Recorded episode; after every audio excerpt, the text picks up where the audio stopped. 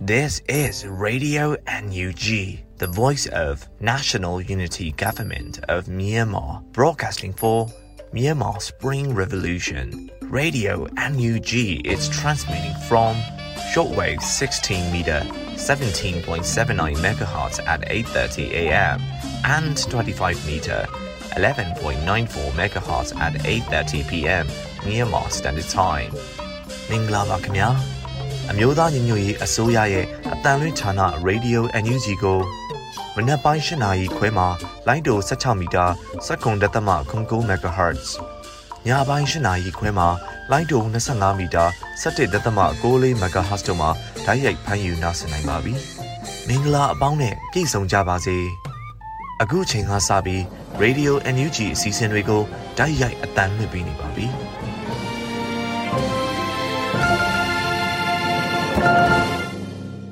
မင်္ဂလာနဲ့နဲ့ခင်းပါခင်ဗျာမြန်မာပြည်ဝမှာရှိကြတဲ့အာနာရှင်စနစ်ကိုတော်လှန်သူတိုင်းရင်းသားပြည်သူမောင်နှမများအားလုံးဘေးကင်းရန်ကွာရှိကြပါစေကြောင်းရေဒီယို UNG ကဆုမွန်ကောင်းတောင်းအပ်ပါတယ်ပထမဦးဆုံးအနေနဲ့ຫນွေဦးအလင်ကမှကာကွယ်ရေးဝန်ကြီးဌာနရဲ့စစ်ရေးသတင်းကျဉ်းချုပ်တွေကိုဖတ်ကြားတင်ပြပါမယ်ခင်ဗျာကရားပြည်နယ်မှာ ဇန်နဝါရီလ9ရက်နေ့ကလွိုက်ကော်မြို့ပန်ကန်းရွာနယ်မိုင်လုံရက်ကွက်မှာစစ်ကောင်စီတပ်နဲ့ကီနီတပ်မတော် KAKNDF တို့တနေကုန်နီးပါးတိုက်ပွဲဖြစ်ပွားခဲ့ရာစစ်ကောင်စီတပ်သား၄ဦးသေဆုံးခဲ့ပြီးအများအပြားထိခိုက်ဒဏ်ရာရရှိခဲ့ပါတယ်။တိုက်ပွဲတွင် KNDF ရဲဘော်တဦးကြဆုံးက3ဦးဒဏ်ရာရရှိခဲ့ကြောင်းသိရှိရပါတယ်ခင်ဗျာ။ စကိုင်းတိုင်းမှာဇန်နဝါရီလ10ရက်နေ့နေ့လယ်2:52မိနစ်ခန့်ကဒဇယ်မြို့နယ်ကန်ထူးမရွာမှဒဇယ်မြို့သို့မောင်းနှင်လာတဲ့စစ်ကောင်စီတပ်များလိုက်ပါလာတဲ့ရင်ကို MDF ဒဇယ်တိုက်ကားအဖွဲ့ကမိုင်းဆွဲတိုက်ခိုက်ခဲ့ကြောင်းသိရှိရပါတယ်ခင်ဗျာ။ ဇန်နဝါရီလ9ရက်နေ့မနက်8:45မိနစ်ခန့်ကမုံရွာအရတော်ကားလမ်းမပေါ်မကြီးသုံးပင်အနီးသို့မိုင်းရှာထွက်လာတဲ့စစ်ကောင်စီရဲ့ခြေလင်းစစ်ကြောင်းကိုညီနောင်မဟာမိတ်ရှစ်ဘွဲကမိုင်းခွဲတိုက်ခိုက်ခဲ့ရာစစ်ကောင်စီတပ်သား9ဦးသေဆုံးခဲ့ပြီးထိခိုက်ဒဏ်ရာရရှိသူများပြားခဲ့ကြောင်းသိရှိရပါတယ်ခင်ဗျာ။ဇန်နဝါရီလ9ရက်နေ့မနက်6:30မိနစ်ခန့်ကမုံရွာအရတော်လမ်းမပေါ်ရှိဝါရန်ကျွော်အနောက်ဘက်သို့မိုင်းရှာရန်ခြေလင်းထွက်လာတဲ့စစ်ကောင်စီတပ်စစ်ကြောင်းကို မဟာမိတ်ညီနောင်ရှစ်ဘွဲကမိုင်းခွဲပစ်ခတ်တိုက်ခိုက်ခဲ့ရာစစ်ကောင်စီတပ်သားအနည်းဆုံး9ဦးသေဆုံးခဲ့ပြီးဒဏ်ရာရသူများပြားခဲ့ပါတယ်။စစ်ကောင်စီတပ်များကဝါရန်ကျွော်အနီးမှတာမန်အရက်သားပြည်သူတို့ကိုဖမ်းဆီးသွားခဲ့ကြောင်းသိရှိရပါတယ်ခင်ဗျာ။ မကွေးတိုင်းမှာဇန်နဝါရီလ10ရက်နေ့နေ့လယ်တနာရီခန့်ကရေစကြိုမျိုးမိုးအိုတိုက်ဘာကဖုန်ကြီးကျောင်းဝင်းမှာမိုင်တဲပင်မတိုင်နဲ့ရုံးမလုံခြုံရေးယူထားတဲ့စစ်ကောင်စီတပ်သားများကိုဒေသကာကွယ်တပ်ဖွဲ့ကဝင်ရောက်ပစ်ခတ်တိုက်ခိုက်ခဲ့ရာ10မိနစ်ကြာပြပြန်လည်ပစ်ခတ်မှုများဖြစ်ပွားခဲ့ပြီးစစ်ကောင်စီတပ်သားတူသေဆုံးကစစ်ကောင်စီတပ်သားတချို့ဒဏ်ရာရရှိခဲ့ကြောင်းသိရှိရပါတယ်ခင်ဗျာ။ ဇန်နဝါရီလ9ရက်နေ့ည9နာရီခန့်ကစစ်လက်နက်ဆက်ဆက်ပစ္စည်းများထုတ်လုပ်လျက်ရှိတဲ့ကာကွယ်ရေးစက်ရုံမြိုင်ဒေသအခေါ်လှဲပွဲစက်ရုံကိုပခုတ်ကူမြို့နယ်ပြည်သူ့ကာကွယ်ရေးအဖွဲ့ PPDF နဲ့မြိုင်မြို့နယ်ပြည်သူ့ကာကွယ်ရေးအဖွဲ့ MPDF တို့ပူးပေါင်းကပစ်ခတ်တိုက်ခိုက်ခဲ့ကြောင်းသိရှိရပါတယ်ခင်ဗျာ။ ဇန်နဝါရီလ9ရက်နေ့မနေ့10:00နာရီခန့်ကရေစကြိုမြို့နယ်ပရင်ရွာထိပ်မှာစစ်ကောင်စီရဲ့ခလာရ258တရင်မှထွက်လာတဲ့စစ်ကောင်စီကားတစ်စီးကိုရေစကြိုပြည်သူ့ကာကွယ်ရေးအဖွဲ့ YPDF ကမိုင်းခွဲတိုက်ခိုက်ခဲ့ရာစစ်ကောင်စီတပ်သားတချို့ဒဏ်ရာရရှိခဲ့ကြောင်းသိရှိရပါတယ်ခင်ဗျာ။ယခုဆက်လက်ပြီးစစ်ကောင်စီမှကျူးလွန်တဲ့ရာဇဝမှုတွေကိုတင်ဆက်ပေးကြပါမယ်။ ကယားပြည်နယ်မှာဇန်နဝါရီလ9ရက်နေ့ကဒီမော့ဆိုမြို့နယ်ဒေါ်ပိုးစီ9မိုင်နဲ့6မိုင်ကျေးရွာမှာစစ်ကောင်စီတပ်များကပြည်သူပိုင်နေအလုံး30ကျော်ကိုမိရှို့ခဲ့ပြီးလက်နက်ကြီးများနဲ့ပစ်ခတ်မှုကြောင့်အိမ်ပေါင်း90ကျော်ပျက်စီးဆုံးရှုံးခဲ့ရကြောင်းသိရှိရပါတယ်ခင်ဗျာ။ကရင်ပြည်နယ်မှာ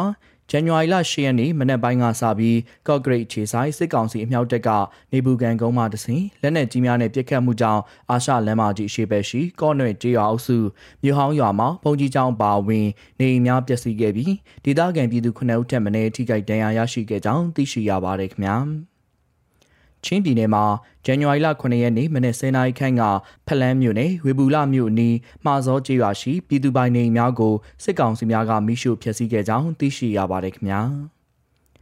စကိုင်းတိုင်းမှာဇန်နဝါရီလ10ရက်နေ့ကဝက်လက်မြို့နယ်အရှိတ်ချမ်းမှာနေမီရှင်းလင်းနေတဲ့စစ်ကောင်စီတပ်နဲ့ပြူစောတိအင်အား200ခန့်ကဒေသခံပြည်သူပိုင်နေတလုံးကိုမိရှုဖျက်ဆီးသွားခဲ့ကြောင်းသိရှိရပါတယ်ခင်ဗျာ။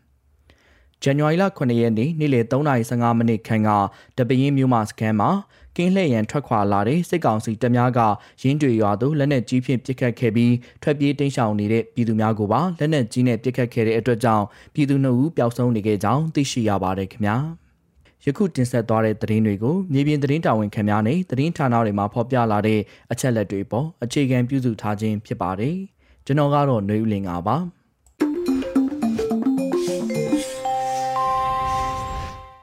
ရေဒီယိုအန်ယူဂျီရဲ့စစ်ရေးသတင်းတွေကိုနားဆင်ခဲ့ရတာပါဆက်လက်ပြီးနောက်ဆုံးရပြည်တွင်းသတင်းများကိုတော့ຫນွေဦးနှင်းစီကတင်ပြပေးမှာဖြစ်ပါတယ်ခင်ဗျာအခုချိန်ကစပြီးနောက်ဆုံးရပြည်တွင်းသတင်းများကိုဖတ်ကြားပါတော့မယ်ဤသတင်းများကိုရေဒီယို UNG သတင်းတာဝန်ခံများနဲ့ခိုင်လုံသောမိဖက်သတင်းရင်းမြစ်များစီမှအခြေခံတင်ပြထားခြင်းဖြစ်ပါတယ်ရှင်။ ကရင်နီအမျိုးသားတိုးတက်ရေးပါတီ ဗဟိုအလုပ်အမှုဆောင်ကော်မတီမှ ဇန်နဝါရီလ ၈ ရက်နေ့ ရက်စွဲဖြင့် အရေးပေါ်သတင်းတစ်ရပ်ကို ထုတ်ပြန်လိုက်ပါတယ်။ထိုအရေးပေါ်သတင်းထုတ်ပြန်ချက်မှာ ၁ ကရင်နီပြည်နယ် လွိုင်ကော်မြို့ မိုင်းလုံးရပ်ကွက်အတွင်း စစ်ကောင်စီမှ ဇန်နဝါရီလ ၇ ရက်နေ့အတွင်း နံနက်ပိုင်းမှစ၍လက်နက်ကြီးများဖြင့် ပစ်ခတ်မှုကြောင့် မိုင်းလုံးနေအိမ်များပေါ် ကျရောက်ပြီး အပြစ်မဲ့ပြည်သူများ ၆ ဦးထိ သေဆုံးခဲ့ရပါသည် ပြည်သူအများအပြားလည်း ထိုမိုင်းလုံးရပ်ကွက်တိုက်ပွဲများအတွင်း ပိတ်မိနေခဲ့သည်။စစ်ကောင်စီသည်မည်မြင်သမျှ မည်သူကိုမဆို ပစ်ခတ်သတ်ဖြတ်နေခြင်းဖြစ်၍ပြည်သူလူထုလွတ်မြောက်ရေးအတွက် ကယ်ဆယ်ရေးလုပ်ငန်းများ ဆောင်ရွက်ခဲ့ရသည်။၂ထို့အပြင် ဇန်နဝါရီလ ၇ ရက်နေ့ ညနေမှစ၍ဇန်နဝါရီလ ၈ ရက်နေ့အထိ တိုက်လေယာဉ်များ၊စစ်ရဟတ်ယာဉ်များ ဆက်တိုက်သုံး၍ဗုံးကြဲတိုက်ခိုက်နေသောကြောင့် အပြစ်မဲ့ပြည်သူများ လွတ်မြောက်ရာသို့ ထွက်ပြေးတိမ်းရှောင်နေရသော်လည်း ပြည်သူအချို့မှာ ပိတ်မိနေဆဲပင်ဖြစ်သည်။၃၂၀၂၂ ခုနှစ် ဇန်နဝါရီလ ၇ ရက်နေ့ ထိုင်း-ကရင်နီနယ်စပ်တွင် စစ်ကောင်စီတပ်များ၏တိုက်လေယာဉ်များ ဗုံးကြဲမှုကြောင့် ကရင်နီထိန်းချုပ်နယ်မြေအတွင်း ခိုလှုံနေသော စစ်ရှောင်စခန်းမှ ပြည်တွင်းဒုက္ခသည် ၁၂၀၀ ကျော်မှာ နယ်စပ်ကို ထွက်ပြေးတိမ်းရှောင်ခဲ့ရပြီး ဒုက္ခသည်ဦးရေ ၂၀၀ ခန့်မှာ နယ်စပ်ကို ဖြတ်ကျော်ခိုလှုံနိုင်ခြင်း မရှိသေးပေ ၄ထို့အတွက်ကြောင့် အပြစ်မဲ့ပြည်သူလူထုများအား တိုက်လေယာဉ်၊စစ်ရဟတ်ယာဉ်များဖြင့် ဗုံးကြဲတိုက်ခိုက်နေမှုအား နိုင်ငံတကာအဖွဲ့အစည်းများမှ အမြန်ဆုံး အရေးယူဆောင်ရွက်နိုင်ရန်နှင့် ပြည်သူလူထုများ၏အသက်အိုအိမ်လုံခြုံရေးအတွက် အမြန်ဆုံး ကူညီဆောင်ရွက်ပေးရန် ကရင်နီအမျိုးသားတိုးတက်ရေးပါတီအနေဖြင့် လေးလေးနက်နက် တောင်းဆိုလိုက်ရပါသည်ဟု၍အရေးပေါ်သတင်းထုတ်ပြန်ခဲ့ပါတယ်ရှင်။ စီဒီအမ်ဝန်ထမ်းများရဲ့ ကိုယ်ရေးအချက်အလက်တွေကို စုစည်းပေးပို့ရမယ်လို့ အာဏာသိမ်း အကြမ်းဖက်စစ်ကောင်စီရဲ့ အကြောင်းကြားစာ ထွက်ပေါ်နေတဲ့သတင်းကို တင်ဆက်ပေးပါမယ်။စစ်တပ်ရဲ့ အဓမ္မအာဏာသိမ်းမှုကို ရဲဝံ့စွာအာခံပြီးတော့ ဆန့်ကျင်တော်လှန်နေကြတဲ့စီဒီအမ်ပြည်သူဝန်ထမ်းများဟာ သူတို့ရဲ့ စားဝတ်နေရေး အခက်အခဲမျိုးစုံကြားမှာပဲနေဦးတော်လှန်ရေးရဲ့ တာဝန်တွေကို ကြံ့ကြံ့ခံ တာဝန်ကျေနေကြဆဲပါပဲ။ အခုလို ဝန်ကြီးဌာနအသီးသီးမှ CDM ပြုလုပ်ထားတဲ့ ဝန်ထမ်းတွေရဲ့ ကိုယ်ရေးအချက်အလက်တွေကို ပေးပို့ဖို့ အကြောင်းကြားတဲ့ စာတစ်စောင် လူမှုကွန်ရက်ပေါ်မှာ ပေါက်ကြားခဲ့ပါတယ်။အွန်လိုင်းမှာ ပေါက်ကြားလာတဲ့စာက အကြမ်းဖက်စစ်ကောင်စီရဲ့ ကျန်းမာရေးဝန်ကြီးဌာနက ထုတ်ပြန်တဲ့စာဖြစ်ပြီးတော့ အခြား ပညာရေး၊မီးရထား အစရှိတဲ့ ဌာနတွေကလည်း ထုတ်ပြန်ထားတာရှိတယ်လို့ သတင်းရင်းမြစ်တွေဆီကနေ သိရပါတယ်။ CDM တွေ ရှောင်နေကြပါ။ကျန်းမာရေး၊ပညာရေး၊မီးရထားဝန်ထမ်းများ အဓိကပါ အခြားဝန်ကြီးဌာနတွေလည်း စာထုတ်ထားပါတယ်။ကိုယ်ရေးအချက်အလက်နဲ့ လိုက်မှာပါ။ကိုယ်ရေးအချက်အလက်မှာပါတဲ့ အိမ်လိပ်စာနဲ့ လိုက်ဖမ်းမှာပါ။ပြည်ထဲရေး ရဲခွေးတွေကို တာဝန်ပေးထားပါတယ်လို့ ကျန်းမာရေးဝန်ကြီးဌာန သတင်းရပ်ကွက်က ပြောပါတယ်။စစ်ကောင်စီရဲ့ ကျန်းမာရေးဝန်ကြီးဌာနက CDM ပြုလုပ်ခဲ့၍ထုတ်ပယ်ခံရသူများ၏ကိုယ်ရေးအကျဉ်းများ စီဒီအမ်ပြုလုပ်ဆဲ ဝန်ထမ်းများ၏ကိုယ်ရေးအချက်အလက်များကို ဇန်နဝါရီလ9ရက်နေ့ နောက်ဆုံးတင်ပြရန် ညွှန်ကြားထားတာကို အဆိုပါ ပေါက်ကြားနေတဲ့ အကြောင်းကြားစာမှာ တွေ့ရှိရပါတယ်။ CDM တွေ ဒီအချိန်မှာခဏရှောင်နေတာ ကောင်းပါတယ်။ခွေးလောက်တောင် အသိဉာဏ်မရှိတဲ့ ဒီကောင်တွေက ဖမ်းဖို့တက်ဖို့ လက်မရွံ့ကောင်တွေပါ။ဒီလိုစာထုတ်တာ ကျမတို့ကို ကြောက်စေချင်လို့ ဒါပေမဲ့ လုံးဝကို မကြောက်တာ မကြောက်လဲမကြောက်တတ်တာ ကိုယ်တွေ အသက်ရှင်အောင်နေနိုင်ရင် ဒင်းတို့ကို နိုင်တာတမျိုးပဲဆိုတာကြောင့် ခဏရှောင်မယ်လို့ ပေါက်ကြားလာတဲ့ ညွှန်ကြားလွှာအပေါ်စီဒီအမ်ပြုလုပ်ထားတဲ့ အမျိုးသမီးတဦးက မှတ်ချက်ပြုထားပါတယ်။အာနာသိန်းစိတ်အုပ်စုရဲ့ ကျမရေးဝန်ကြီးဌာနအတွက်စီဒီအမ်ကိုရဲ့အချက်အလက် တင်ပြရဲ့ညွှန်ကြားလွှာမှာ ဒေါက်တာမြင့်မြင့်တန်း ညွှန်ကြားရေးမှူးချုပ်ဟူ၍လက်မှတ်ထိုးထားတာ တွေ့ရပါတယ်။ညွှန်ကြားချက်မှာ ပါရှိတာကတော့စီဒီအမ်ပြုလုပ်ရေး ထုတ်ပယ်ထားသူများနဲ့ ပြုလုပ်ဆဲဝန်ထမ်းများ၏ကိုယ်ရေးအချက်အလက်များအား သတ်မှတ်ပုံစံအတိုင်းဖြစ်၍ကျန်းမာရေးဝန်ကြီးဌာန၊စီမံခန့်ခွဲရေးဌာနသို့ ဇန်နဝါရီလ ၈ ရက်နေ့အရောက် ပေးပို့ရမယ်လို့ ရေးသားထားပါတယ် စစ်ကောင်စီကို ခုခံတွန်းလှန်နေကြသူ CDM ပြုလုပ်နေဆဲ ပြည်သူ့ဝန်ထမ်းအများအပြားဟာ အချို့က လွတ်မြောက်နယ်မြေများမှာ ရောက်ရှိနေကြပြီး အချို့ကတော့ တော်လှန်ရေးနယ်မြေများမှာ လက်နက်ကင်တော်လှန်နေကြတာတွေလည်း အများအပြားရှိပါတယ်။ အကြမ်းဖက်စစ်အုပ်စုရဲ့ အခုလို အကြောင်းကြားစာနဲ့ပတ်သက်ပြီး CDM ဝန်ထမ်းတဦးက Radio UNG ကို အခုလို ပြောပြပါတယ်။အခု မီဒီယာမှာ သတင်းတက်လာတာတွေ့တယ်။ CDM ပြုလုပ်ဆဲ ဝန်ထမ်းတွေကိုတဲ့ စစ်တမ်းကောက်ယူမယ် ပြီးရင် ဖမ်းဆီးဖို့အတွက် သူတို့ စစ်တမ်းကောက်ယူမယ်ဆိုပြီး သတင်းတက်လာတာတွေ့တယ်။ဒါက သူတို့အတွက် လူတွေကို ကြောက်အောင်စိုက်ဝါးထက်ထဲတာလည်း ဖြစ်နိုင်တယ်။နောက်ပြီးတော့ အခု non CDM တွေ CDM တွေ ထပ်ဖြစ်ပြီးတော့ ရုံးတွေ ဟောင်းလောင်းဖြစ်သွားမှာဆိုလို့ ဒီသတင်းထုတ်တာလည်းဖြစ်နိုင်တယ်ထုတ်ချင်တာသာထုတ်ကျွန်တော်တို့ကတော့ဘလို့ထုတ်ထုတ်ပါသတင်းထုတ်ထုတ်သူတို့ထုတ်တဲ့သတင်းကိုလုံးဝစိတ်မဝင်စားဘူးကျွန်တော်တို့အတွက်ဥတီချက်ကတစ်ခုပဲရှိတယ်။ဘာလဲဆိုတော့ဒီအကြမ်းဖက်မှုတွေလူသေးနေတဲ့ကိစ္စရယ်လူတွေစိတ်ဆင်းရဲကိုယ်ဆင်းရဲနဲ့ဖြစ်နေတဲ့ကိစ္စတွေအမြန်ဆုံးချုပ်ငိမ့်သွားဖို့ပဲအဲ့လိုချုပ်ငိမ့်သွားဖို့လဲကိုလုံနိုင်တဲ့ဘက်ကလုံနိုင်သေးရအကုန်လုံရမှာပဲ ဒါအပြင် ပြည်သူ့ကာကွယ်ရေးတပ်ဖွဲ့ဝင် PDF များရဲ့ဆွလွန်ဆွန်စား တိုက်ပွဲများကြောင့်စီရီယံဝန်ထမ်းများအနေဖြင့် အားတက်ရကြောင်း သူမရဲ့ အမြင်ကိုလည်း အခုလို သိရပါတယ်။ PDF ကလေးတွေကို အရန်လေးလေးစားတယ် ကျေးဇူးလည်းတင်တယ်တနာလည်းတနာတယ် သူတို့ ပင်ပင်ပန်းပန်းနဲ့ အခုလို တိုက်ပွဲဝင်နေရတာပေါ့နော် သူတို့တွေ အခုလိုမျိုး လုံနေလို့ တိုက်နေလို့သာ အမားတို့စီရီယန်နေနည်းနည်း အနေချောင်းတာ အဆင်ပြေတာပေါ့နော်နှုတ်မဆိုရင် ဒီကောင်းနေဒီစစ်ခွေးတွေမှွေရနဲ့ဘလို့မှ အဆင်ပြေမှာ မဟုတ်ဘူး ခဏခဏချင်းချောက်တန်နေကြလို့ရှိရင်လည်းဒေါသတွေအရန်ထွက်တယ်ဖြစ်နိုင်ရင်တက်နိုင်တဲ့ဘက်ကနေပြေးပြီးတော့တိုက်ရှင်တယ်ဒါပေမဲ့တခါလေကြားလို့ရှိရင်လုံးလုံးမရတဲ့ကိုယ့်ရဲ့အခြေအနေတွေပေါ်မူတည်ပြီးတော့လဲမွန်းကျက်လာတယ်ဘာလို့ကိုယ့်ရဲ့မိသားစုအနောက်မှာခြိတိုင်းနေလဲရှိနေရလဲပါတယ်အကြမ်းဖက်စစ်ကောင်စီဟာတနှစ်နီးပါးကြာမြင့်လာပြီဖြစ်တဲ့၎င်းတို့အပေါ်ပြည်သူများရဲ့ဆန့်ကျင်တော်လှန်ရေးမှာ CDM ပြုလုပ်ထားတဲ့သူတွေကိုဖမ်းဆီးသတ်ဖြတ်တာတွေပြုလုပ်ခဲ့သလို CDM လုပ်ထားရာကနေ Non-CDM ပြန်လုပ်လာတဲ့သူတွေကိုလည်း ဖမ်းဆီးထောင်ချမှုတွေ လုပ်ဆောင်ခဲ့တာကိုလည်း မှတ်တမ်းများအရ ထင်ထင်ရှားရှား တွေ့မြင်နေရပါတယ်။စစ်ကောင်စီဟာ ပညာရေး အစရှိတဲ့ ဌာနဆိုင်ရာ ဝန်ထမ်းများရဲ့ လစ်လပ်နေရာတွေမှာ အစားထိုး ခန့်အပ်ခြင်း၊လျှောက်လွှာခေါ်ယူခြင်းများ ရှိခဲ့ပါတယ်။အခုချိန်ထိတော့ မြန်မာပြည်က ပြည်သူ့ဝန်ထမ်းအများစုရဲ့ အာဏာရှင်ဝန်ကို မထမ်းခြင်း၊မတရားမှုကို ရဲဝံ့စွာ ဆန့်ကျင်ခြင်း သတ္တိများကြောင့် အာဏာရှင်အုပ်ချုပ်မှု ယန္တရားအသီးသီးဟာ ကောင်းစွာ လည်ပတ် ရပ်တည်နိုင်ခြင်း မရှိသေးပါဘူးရှင်။ ဆက်လက်ပြီးຫນွေဦးလိပ်ပြတင်ပြမှာဖြစ်တဲ့ပြည်သူခုခံတော်လှန်စစ်တရင်များကိုဆက်လက်နားဆင်နိုင်ကြပါပြီခင်ဗျာ။မကွေးတိုင်းပခုတ်ခုမြို့နယ်စစ်တပ်ပိုင်းကာကွယ်ရေးပစ္စည်းထုတ်လုပ်သည့်စက်ယုံမြိုင်နှင့်မြို့ပေါ်တွင်ကင်းလှည့်နေသောစစ်ကောင်စီတပ်ဖွဲ့ကိုဒေသခံကာကွယ်ရေးတပ်များကတိုက်ခိုက်ကြောင်းဒေသကာကွယ်ရေးတပ်ကသတင်းထုတ်ပြန်ထားပါတယ်။ အလားတူမကွေးတိုင်းပခုတ်ခုခရိုင်မြိုင်မြို့နယ်ရှိစစ်ကောင်စီစစ်လက်နက်ဆက်ဆက်ပစ္စည်းများထုတ်လုပ်နေသည့်ကာကွယ်ရေးပစ္စည်းထုတ်လုပ်ရေးစက်ရုံမြိုင်ကိုရှော့တုံးနှလုံးဖြင့်ပစ်ခတ်တိုက်ခိုက်ခဲ့ကြောင်းပခုတ်ကူမြို့နယ်ပြည်သူ့ကာကွယ်ရေးတပ်ဖွဲ့ကသတင်းထုတ်ပြန်ချက်အရသိရှိရပါတယ်။ဇန်နဝါရီလ9ရက်နေ့နနက်9နာရီဝန်းကျင်ခန့်အချိန်ကအကြမ်းဖက်စစ်ကောင်စီအတွက်စစ်လက်နက်ဆက်ဆက်ပစ္စည်းများထုတ်လုပ်လျက်ရှိသော ကာကွယ်ရေးစက်ရုံများဒေတာအခေါ်လှဲပွဲစက်ရုံအားပခုတ်ကူမြို့နယ်ပြည်သူ့ကာကွယ်ရေးအဖွဲ့ PPTF နဲ့မြိုင်မြို့နယ်ပြည်သူ့ကာကွယ်ရေးအဖွဲ့တို့ပူးပေါင်း၍ရှော့တုံးနှလုံးဖြင့်ပြစ်ခတ်ဖျက်ဆီးတိုက်ခိုက်ခဲ့ခြင်းဖြစ်ကြောင်းဒေတာကာကွယ်ရေးတပ်ကသတင်းထုတ်ပြန်ပါတယ်။ပခုတ်ကူမြို့နယ်ပြည်သူ့ကာကွယ်ရေးအဖွဲ့ PPTF မှာမြေပြင်တိုက်ခိုက်ရေးအဖွဲ့ကောင်းဆောင်ဗိုလ်သိန်းခနဲ့အဖွဲ့များသည်ဇန်နဝါရီလ၄ရက်ည၈နာရီခန့်အချိန်တွင်လည်းပခုတ်ကူမျိုးရှိတပ်မ101အတွင်းသို့ ရှော့တုံးနှလုံးဖြင့်ပြစ်ခတ်တိုက်ခိုက်ခဲ့ကြောင်းသိရှိရတာပါဇန်နဝါရီလ9ရက်နေ့ည9:10မိနစ်အချိန်ကလည်းပကုတ်ခုမျိုးရှောင်းလန်းတွင်စိုက်ကဲလေးစီးဖြင့်လှည့်ကင်းပတ်လာသောစစ်ကောင်စီတပ်များကို PKU and PDF အနေဖြင့်အစုလိုက်မိုင်းသုံးလုံးဖြင့်ဖက်ခွဲတိုက်ခိုက်ခဲ့ပြီးအဖွဲ့သားများအနေဖြင့်ထိခိုက်မှုမရှိဘဲပြန်လည်ဆုတ်ခွာနိုင်ခဲ့ကြောင်းသေဆုံးမှုအရေးအတွက်မသိရသေးကြောင်း PKUN PDF ကထုတ်ပြန်ပါတယ်။ ဝါခေမာမျိုးရဲစခန်းကိုလက်ပစ်ပုံးဖြင့်ပစ်ခတ်တိုက်ခိုက်ခဲ့တဲ့တဲ့ရင်ဆက်လက်တင်ဆက်မှာပါ။အေယာဝတီတိုင်းမြောင်းမြမြောင်းမြခရိုင်ဝါခေမာမျိုးဇန်နဝါရီလ9ရက်နေ့ည9:30မိနစ်အချိန်ခန့်ဝါခေမာမျိုးရဲစခန်းကိုအမည်မသိလူနှစ်ဦးကလက်ပစ်ပုံးနှလုံးဖြင့်ပစ်ခတ်ပေါက်ခွဲသွားကြောင်း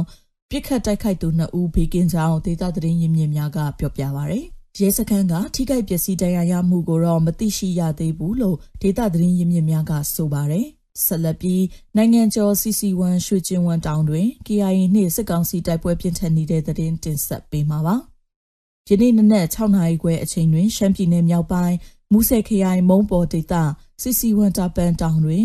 အသည့်အနေထားဖြင့်နေရာယူထားသော KIA တို့၏ပြကွင်းသို့ချင်းနှင်းဝင်ရောက်လာသောစစ်ကောင်စီတပ်ဖွဲ့တို့အား KIA တို့စီဂျိုတိုက်ခိုက်ခဲ့ကြောင်းသိရရှိပါသည်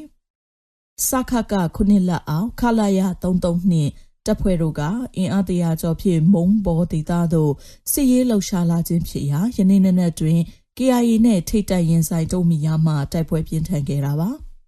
တိုက်ပွဲအတွင်းနှစ်ဖက်ထိခိုက်ကြဆုံးမှုမြည်၍မြည်များရှိသည်ကိုမူအသေးစိတ်မသိရသေးတော့လဲ KIA တို့၏ပြကွင်းသို့တနက်မမတ်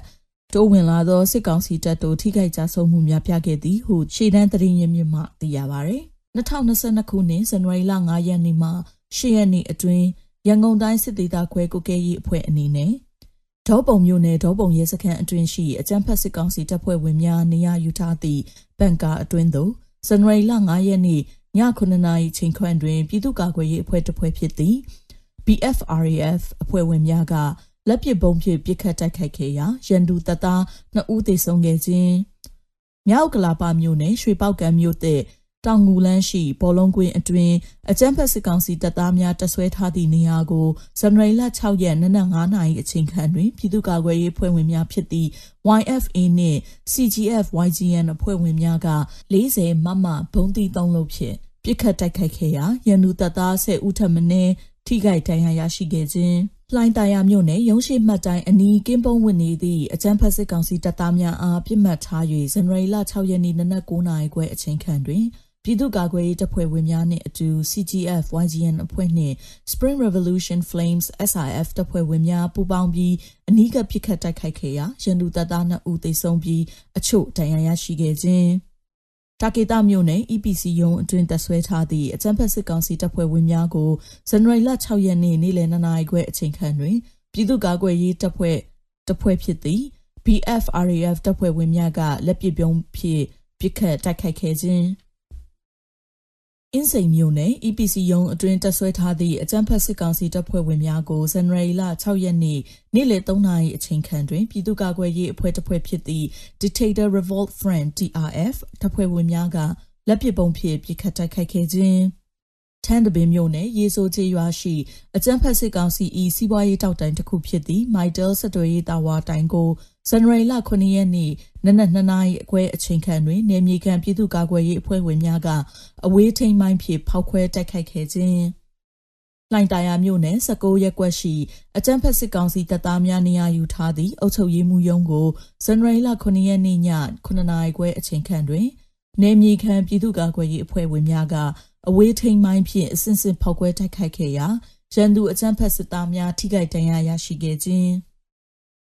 တုံးကွမြို့နယ်စင်ခိုးရွာအနီးရှိအကြမ်းဖက်စစ်ကောင်စီ၏စီးပွားရေးတောက်တိုင်တစ်ခုဖြစ်သည့်မိုက်တယ်ဆက်သွယ်ရေးတာဝါတိုင်ကိုဇန်နဝါရီလ10ရက်နေ့နနက်6နာရီခွဲအချိန်ခန့်တွင်နေမြေခံပြည်သူ့ကာကွယ်ရေးအဖွဲ့ဝင်များကအဝေးထိန်မိုင်းဖြင့်ဖောက်ခွဲတိုက်ခိုက်ခဲ့ရာ panel box နှစ်ခုနှင့် cable ကျိုးများမီးလောင်ပျက်စီးသွားခြင်း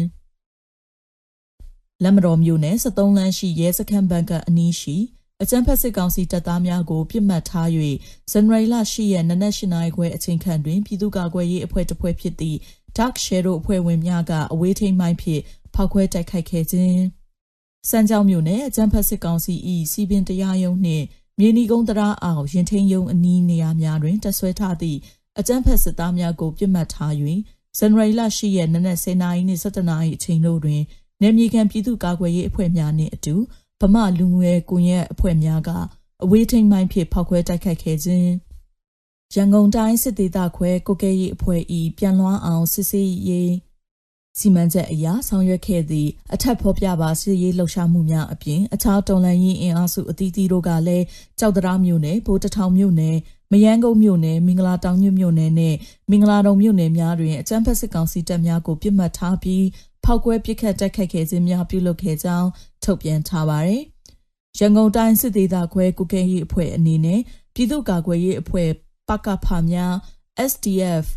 PDF တပ်ဖွဲ့ဝင်များအထူးကွန်မန်ဒို SOF တပ်ဖွဲ့ဝင်များနှင့်အတူအခြားသောတော်လှန်ရေးအင်အားစုအဖွဲ့ပေါင်း40ကျော်ကိုစုစည်း၍အကြမ်းဖက်စစ်ကောင်စီ၏စစ်ရေးအုပ်ချုပ်ရေးစီးပွားရေးပြစ်မှတ်များကိုပြန်လွှမ်းအောင်စစ်ဆေးရေးစီမံချက်ဖြင့် စီရေးအရာအရေးယူတုံ့ပြန်တိုက်ခိုက်မှုများကိုထိရောက်စွာစီမံကုတ်ကဲဆောင်ရွက်လျက်ရှိပြီးပြည်သူများအနေဖြင့်အကြံဖက်စစ်ကောင်စီတပ်များတည်ရှိရာနေရာများ၎င်းတို့၏စီးပွားရေးလုပ်ငန်းများမိသားစုဝင်များနှင့်ထိတွေ့ပတ်သက်မှုများမလုပ်ဆောင်ကြဘဲတတိဖြစ်ရှောင်ရှားသွားလာနေထိုင်ကြရန်လဲတတိပေးတိုက်တွန်းထားပါတယ်။နောက်ဆုံးအနေနဲ့အမျိုးသားညီညွတ်ရေးအစိုးရပြည်ထရေးနဲ့လူဝင်မှုကြီးကြပ်ရေးဝန်ကြီးဌာနက2022ခုနှစ်ဇန်နဝါရီလ10ရက်ရက်စွဲနဲ့ထုတ်ပြန်တဲ့ ပြည်သူ့ခုခံတော်လှန်စစ်တရင်ချက်လက်တွေကိုတင်ဆက်ပေးသွားမှာပါ။အာနာသိန်းအကြံဖက်စစ်အုပ်စု၏ပြည်သူလူထုအပေါ်အကြံဖက်ဖိနှိပ်ဖမ်းဆီးတိုက်ခိုက်တပ်ဖြတ်နေမှုများကိုပြည်သူလူထုတရက်လုံးကအသက်ရှင်တန်ရေးအတွက်မိမိကိုယ်ကိုမိမိခုခံပါကာကွယ်ပိုင်ခွင့်အရာပြည်သူခုခံစစ် People's Defensive War ကိုဆင်နွှဲလျက်ရှိပါတယ်။တရင်ချက်လက်များအရာ9ရက်တလ2022ရက်နေ့တွင်စစ်ကောင်စီတပ်ဖွဲ့ဝင်82ဦးသေဆုံးပြီး ထိခိုက်ဒဏ်ရာရရှိသူ15ဦးအထိခုခံတိုက်ခိုက်နိုင်ခဲ့ပါတယ်။ညီပြင်မှာယခုတွေ့ရတဲ့သတင်းအချက်အလက်များထက်ပို၍ဖြစ်ပွားနိုင်ပါတယ်ရှင်။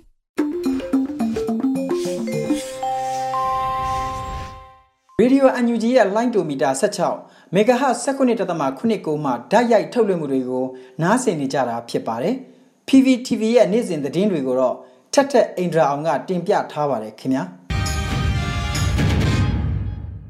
အခုတင်ဆက်ပေးမယ့်သတင်းကတော့အမျိုးသားညီညွတ်ရေးအစိုးရရဲ့နိုင်ငံခြားရေးမူဝါဒပေါ်အခြေခံပြီးတော့ကမ္ဘာနိုင်ငံတွေနဲ့တလမှာအနည်းဆုံးတစ်ကြိမ်ခန့်ပုံမှန်တွေ့ဆုံဆွေးနွေးတာတွေပြုလုပ်နေတယ်လို့အမျိုးသားညီညွတ်ရေးအစိုးရနိုင်ငံခြားရေးဝန်ကြီးဌာနပြည်ထောင်စုဝန်ကြီးဒေါ်စင်မအောင်ကပြောကြားလိုက်ပါတယ်။ နိုင်ငံရေးအရာဖြစ်ပေါ်ပြောင်းလဲတိုးတက်မှုတွေကိုအဆင့်မပြတ်ထိတွေ့ပြီးဆွေးနွေးနေကြတာရှိတယ်။အနည်းဆုံးတစ်လတစ်ကြိမ်လောက်ကမ္ဘာနိုင်ငံတွေနဲ့ပုံမှန်တွေ့ဆုံဖြစ်တဲ့ special case တွေနဲ့ issue တွေနဲ့ပတ်သက်ပြီးတော့လဲတိကျဆက်သွယ်ဆောင်ရွက်တာတွေရှိပါတယ်လို့ပြပသတင်းဌာနတစ်ခုနဲ့မေးမြန်းခန်းမှာပြည်ထောင်စုဝန်ကြီးဒေါ်စင်မအောင်ကပြောကြားလိုက်တာပါ။ဒါအပြင်ပြီးခဲ့တဲ့တစ်နှစ်အတွင်းမှာအမျိုးသားညီညွတ်ရေးအစိုးရရဲ့နိုင်ငံခြားရေးမူဝါဒတွေကတိုးတက်မှုရှိတယ်လို့လည်းမှတ်ချက်ပြုပြောကြားထားပါတယ်။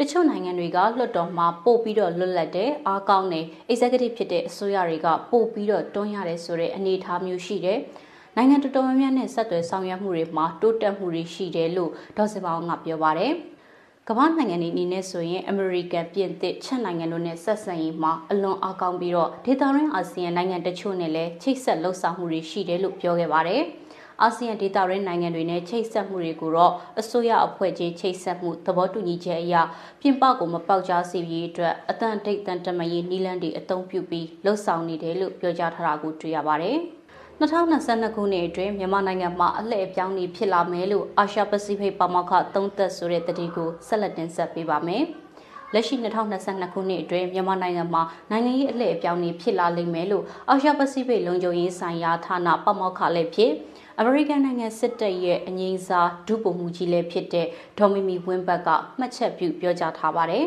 ။2022ခုနှစ်မကြခင်မှာပဲအလဲပြောင်းတစ်ခုရောက်သွားလိမ့်မယ်။ဘာကြောင့်လဲဆိုတော့တစ်ဖက်မှာပြည်သူလူထုရဲ့အားသာချက်တစ်ဖက်မှာလည်းစစ်တပ်ရဲ့အားနည်းချက်တွေရဲ့ဆိုတော့2022မှာအလဲအပြောင်းတစ်ခုရောက်မယ်လို့ DVB သတင်းဌာနနဲ့တွေ့ဆုံမေးမြန်းခန်းမှာဒေါ်မီမီဝင်းဘတ်ကထည့်သွင်းပြောကြားထားတာပါ။ အကြံဖက်စစ်တပ်အနေနဲ့အောက်ခြေကသတင်းမှာပေးတာမျိုးတွေကြောင့်အချက်အလက်မှားတွေကိုရရှိနေကြောင်းနဲ့လူဝင်အားနည်းနေတဲ့အကြံဖက်စစ်တပ်အဖွဲ့ကလက်နက်ကြီးသာအကိုပြီးတိုက်ခိုက်နေရတာဖြစ်တယ်လို့လည်းမှတ်ချက်ပြုထားပါတယ်။ကရင်နီနဲ့စကိုင်းစတဲ့နေရာတော်တော်များများမှာအုပ်ချုပ်ရေးကိုဒေသခံတွေကထိန်းချုပ်ထားနိုင်တယ်။စစ်တပ်ဘက်ကတော်တော်များများနေရာတွေမှာတက်ရောက်မှုမရှိတော့ဘူးလို့ပြောပါတယ်။ အကြမ်းဖက်စစ်တပ်ကပြည်သူတွေကိုနှိပ်စက်တပ်ဖြတ်မှုတွေလုပ်နေပေမဲ့ပြည်သူတွေရဲ့ဒီမိုကရေစီလူလာမှုနဲ့လွတ်လပ်မှုကိုလိုချင်တဲ့ဆန္ဒတွေကလပေါင်းများစွာကြားတဲ့တိုင်အောင်ရော့ကျမသွားဘူးလို့ပြောကြားထားပါတယ်။မြန်မာပြည်သူတွေရဲ့ဒီမိုကရေစီကိုလိုလားတဲ့စိတ်ကိုချီးကျူးကြောင်းနဲ့ဒီနှစ်အတွင်းမှာပဲမြန်မာပြည်သူတွေဒီမိုကရေစီပြန်ရဖို့အတွက်လဲဆုတောင်းပေးနေကြောင်းအာရှပစိဖိတ်လုံခြုံရေးဆိုင်ရာဌာနပမောက္ခလည်းဖြစ်အမေရိကန်နိုင်ငံစစ်တပ်ရဲ့အငြိမ်းစားဒုဗိုလ်မှူးကြီးလည်းဖြစ်တဲ့ဒေါ်မီမီဝင်းဘတ်ကပြောကြားထားပါတယ်။ တောတာရှင်များခင်ဗျာအလှည့်ကျတဲ့တိုင်းသားဘာသာစီစဉ်မှာချိုးချင်းမွန်းဘာသာနဲ့သတင်းထုတ်လွှင့်မှုတွေကို နားဆင်ရပါတော့မယ်ခင်ဗျာကျွန်တော်ကတော့အစီအစဉ်တင်ဆက်သူလွတ်လပ်ຫນွေဦးပါအယူကြီးကျူရီဒီယိုအွန်လနာနာငါရောက်တယ်ဘာဖနာရီယိုမလိုက်နော်အတူဝဲကိုကုံဖရမ်ကူလမ်ကူလီရီဇန်နဝါရီဖိချာကုံဟုန်အာနုဘိဝေရာကျကီယာခုကရုံလာခုပူဟင်ကာထူရီမိငါဘာဝအချင်းကြကနီ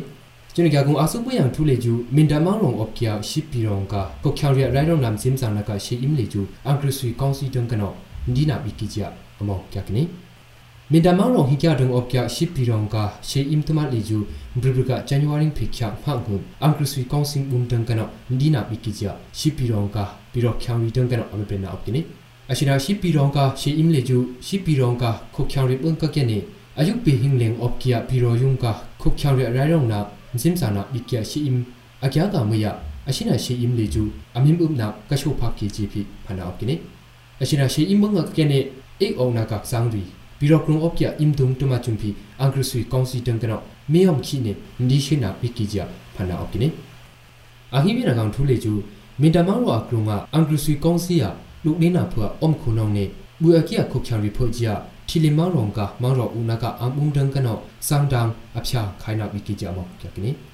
မင်တမောင်ရောစွန်တောင်းဘီရောင်အင်္ဂရိစီကောင်စီယလုတ်ဒိနာကဖွာအမေအုံခုနောင်ကီယချန်စင်ရီဖိုလီကျူထီလီမောင်ရောမောင်ရောဦးနာကအမုံဒံကနောဆောင်တံအဖျားခိုင်နာဝီကီကြဖနာအကိနိအတုပခရခင်းနုံလေကျူစွန်တောင်းဘီရောအကုံဒူအနာဖွာအမေအုံခုနောင်နေအကျွနာဘီရောင်အုံဒူကီယချန်စင်အဝန်ဖြတ်ထုံလောက်လောက်ကီကြစွန်တောင်းဘီရော NTP ကေပုံကအန်ဝိုင်းယူတံကနောအမေပနာအကိနိ ကျွန်တော်ကကုံအထုမေနကောင်ထူလေကျမတူပြီးမောင်းရောကချောင်စကိုအင်္ဂရိဆွေကောင်းစင်ဦးတန်ကနောဖတ်နေလူလေးနဲ့ငွမ်းကြီးကြီးမတူပြီး CTF တန်ကနောအပနကအမောင်ကြကိနေချိုကိုမတူပြီးမောင်းရောစစ်တန်အော့ကီယာပြီးတော့ဖြင်းကချောင်စကိုလေကျဘရဘကဇန်နဝါရီဖေချမ်ဖန်ဘူးအင်္ဂရိဆွေကောင်းစီတန်ကနောပန်းနေလူလေးနဲ့တာငွမ်းကြီးကြီး CTF မတူပြီးတန်ကနောဇန်နဝါရီဖေချာခရစ်ယန်တာအပနကိနေအရှိနာ ဖနဲ့အမခဘီယာချောင်စကုံကချောင်စံရွေးလေကျူမတူပီ CTF တန်ကနောရန်တာဟုပါကီကြအပရင်နာကိနေအမဖာကကချောင်စကုံကလေကျူပူတီယာပီရောင်ကချောင်စဟီကီလုံပီရောင်ကချောင်စဟီကဆေပီရောလာငလိုင်းပီရောင်ကချောင်စရီကကီကြဖနာကိနေကျွန်ုံအပလီနာကောင်ထူလေကျူအဂရစီကောင်စီတန်ကနော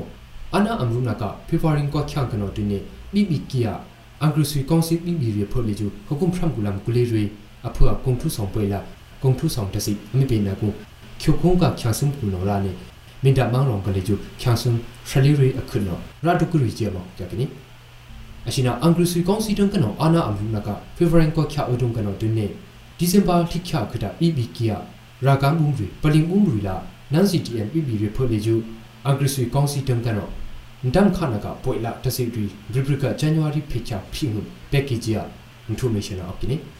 နောဒမ်ခနာကပွိလာတစီရီဘရီဘရကဇန်နဝါရီဖိချာဖိမှုပက်ကီဂျီယာအင်ဖိုမေးရှင်းအော့ကိနိအရှင်မယမေပေနာကုံလေကျူချိုခုံးကချောင်စင်ကူနောရာနေအကျွနုံကမင်တမောင်ရောကချောင်စင်ရှလီအတ်ခဒဘာတုကီကြဖုနာကျူပြောကိနေအကျွနုံကအောက်ဒမ်ပီလေကျူစပရိကူကြကီယာရာကန်ဥမနာပလင်ဥမင်ကအောက်ဒမ်ပီဘာတုကီကြကီဂျီပီဖုနာကြောကိနေဂျနီကကုံအခုပြန်ထူလေကျူမြန်မာကိုဒီမိုကရေစီလာမှုအောက်ရောအစိပ်ပါပါကြဘုန်းနေအမေရိကန်လာဂျပန်ကိုနင်းလာကုံအဒင်းရန်ပါနာအော့ကီကြမထူကြကိနေမြန်မာကိုအင်္ဂရိစီတန်ကနော ခုချောင်ရခနာလူလေးနာငွန်ရှေနာရီလေကျူအမေရိကန်လာဂျပန်ကိုတန်ကနောအယုထီစီနာအော့ကီလာဒီမိုကရေစီရက်လောက်ပြမြန်မာခုချောင်ရအတုံအော့ကရီဂျာအမေရိကန်လာဂျပန်နောအနိပရနာအော့ကီနီအရှိနာမြန်မာကိုဒီမိုကရေစီလာမှုအစက်အဝါကျဘုန်းနေအမေရိကန်ကိုလာဂျပန်ကိုနင်းလာကုဘရီဘရီကဒီဇင်ဘာထိခါခရုလာခရီခုံခုံဘရီဂျူအွန်လိုင်းကတော့အနင်းရန်ပိုင်နာအော့ကီနီအကျွနာအမင်းရန်ပိုင်နာကုနေကျူအမေရိကန်ကိုခုပုံဟီဝမ်ချီတူကြကီယာဘလင်ကန် American ko rakam um simsana wanchi tungya ke Australia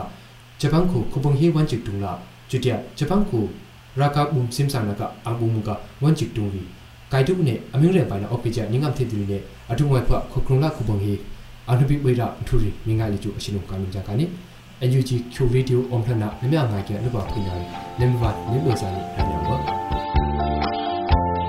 ဒီကနေ့ကတော့ဒီညနေပဲ Radio NUG ရဲ့အစည်းအဝေးတွေကိုခਿੱတရနာလိုက်ပါမယ်။ မြန်မာစံတော်ချိန်မနက်၈နာရီခွဲနဲ့ည၈နာရီခွဲအချိန်တွေမှာပြန်လည်ဆုံးဖြတ်ကြပါစို့။ Radio NUG ကိုမနက်ပိုင်း၈နာရီခွဲမှာလိုင်းဒို16မီတာစက္ကန့်တသမ9 MHz ညပိုင်း၈နာရီခွဲမှာလိုင်းဒို25မီတာ17တသမ6 MHz တို့မှာဓာတ်ရိုက်ဖမ်းယူနားဆင်နိုင်ပါပြီ။မြန်မာနိုင်ငံသူနိုင်ငံသားများကိုယ်စိတ်နှပြကျန်းမာချမ်းသာလို့ဘေးကင်းလုံခြုံကြပါစေလို့ Radio NUG အဖွဲ့သူအဖွဲ့သားများကဆုတောင်းလိုက်ရပါတယ်။အမျိုးသားညီညွတ်ရေးအစိုးရရဲ့စက်သွေးရေးသတင်းအချက်အလက်နဲ့ဤပညာဝန်ကြီးဌာနကထုတ်လွှင့်နေတဲ့ Radio NUG ဖြစ်ပါတယ်။ San Francisco Bay Area အခြေစိုက်မြန်မာမိသားစုများနဲ့နိုင်ငံတကာကစေတနာရှင်များလှုပ်အားပေးများရဲ့ Radio NUG ဖြစ်ပါတယ်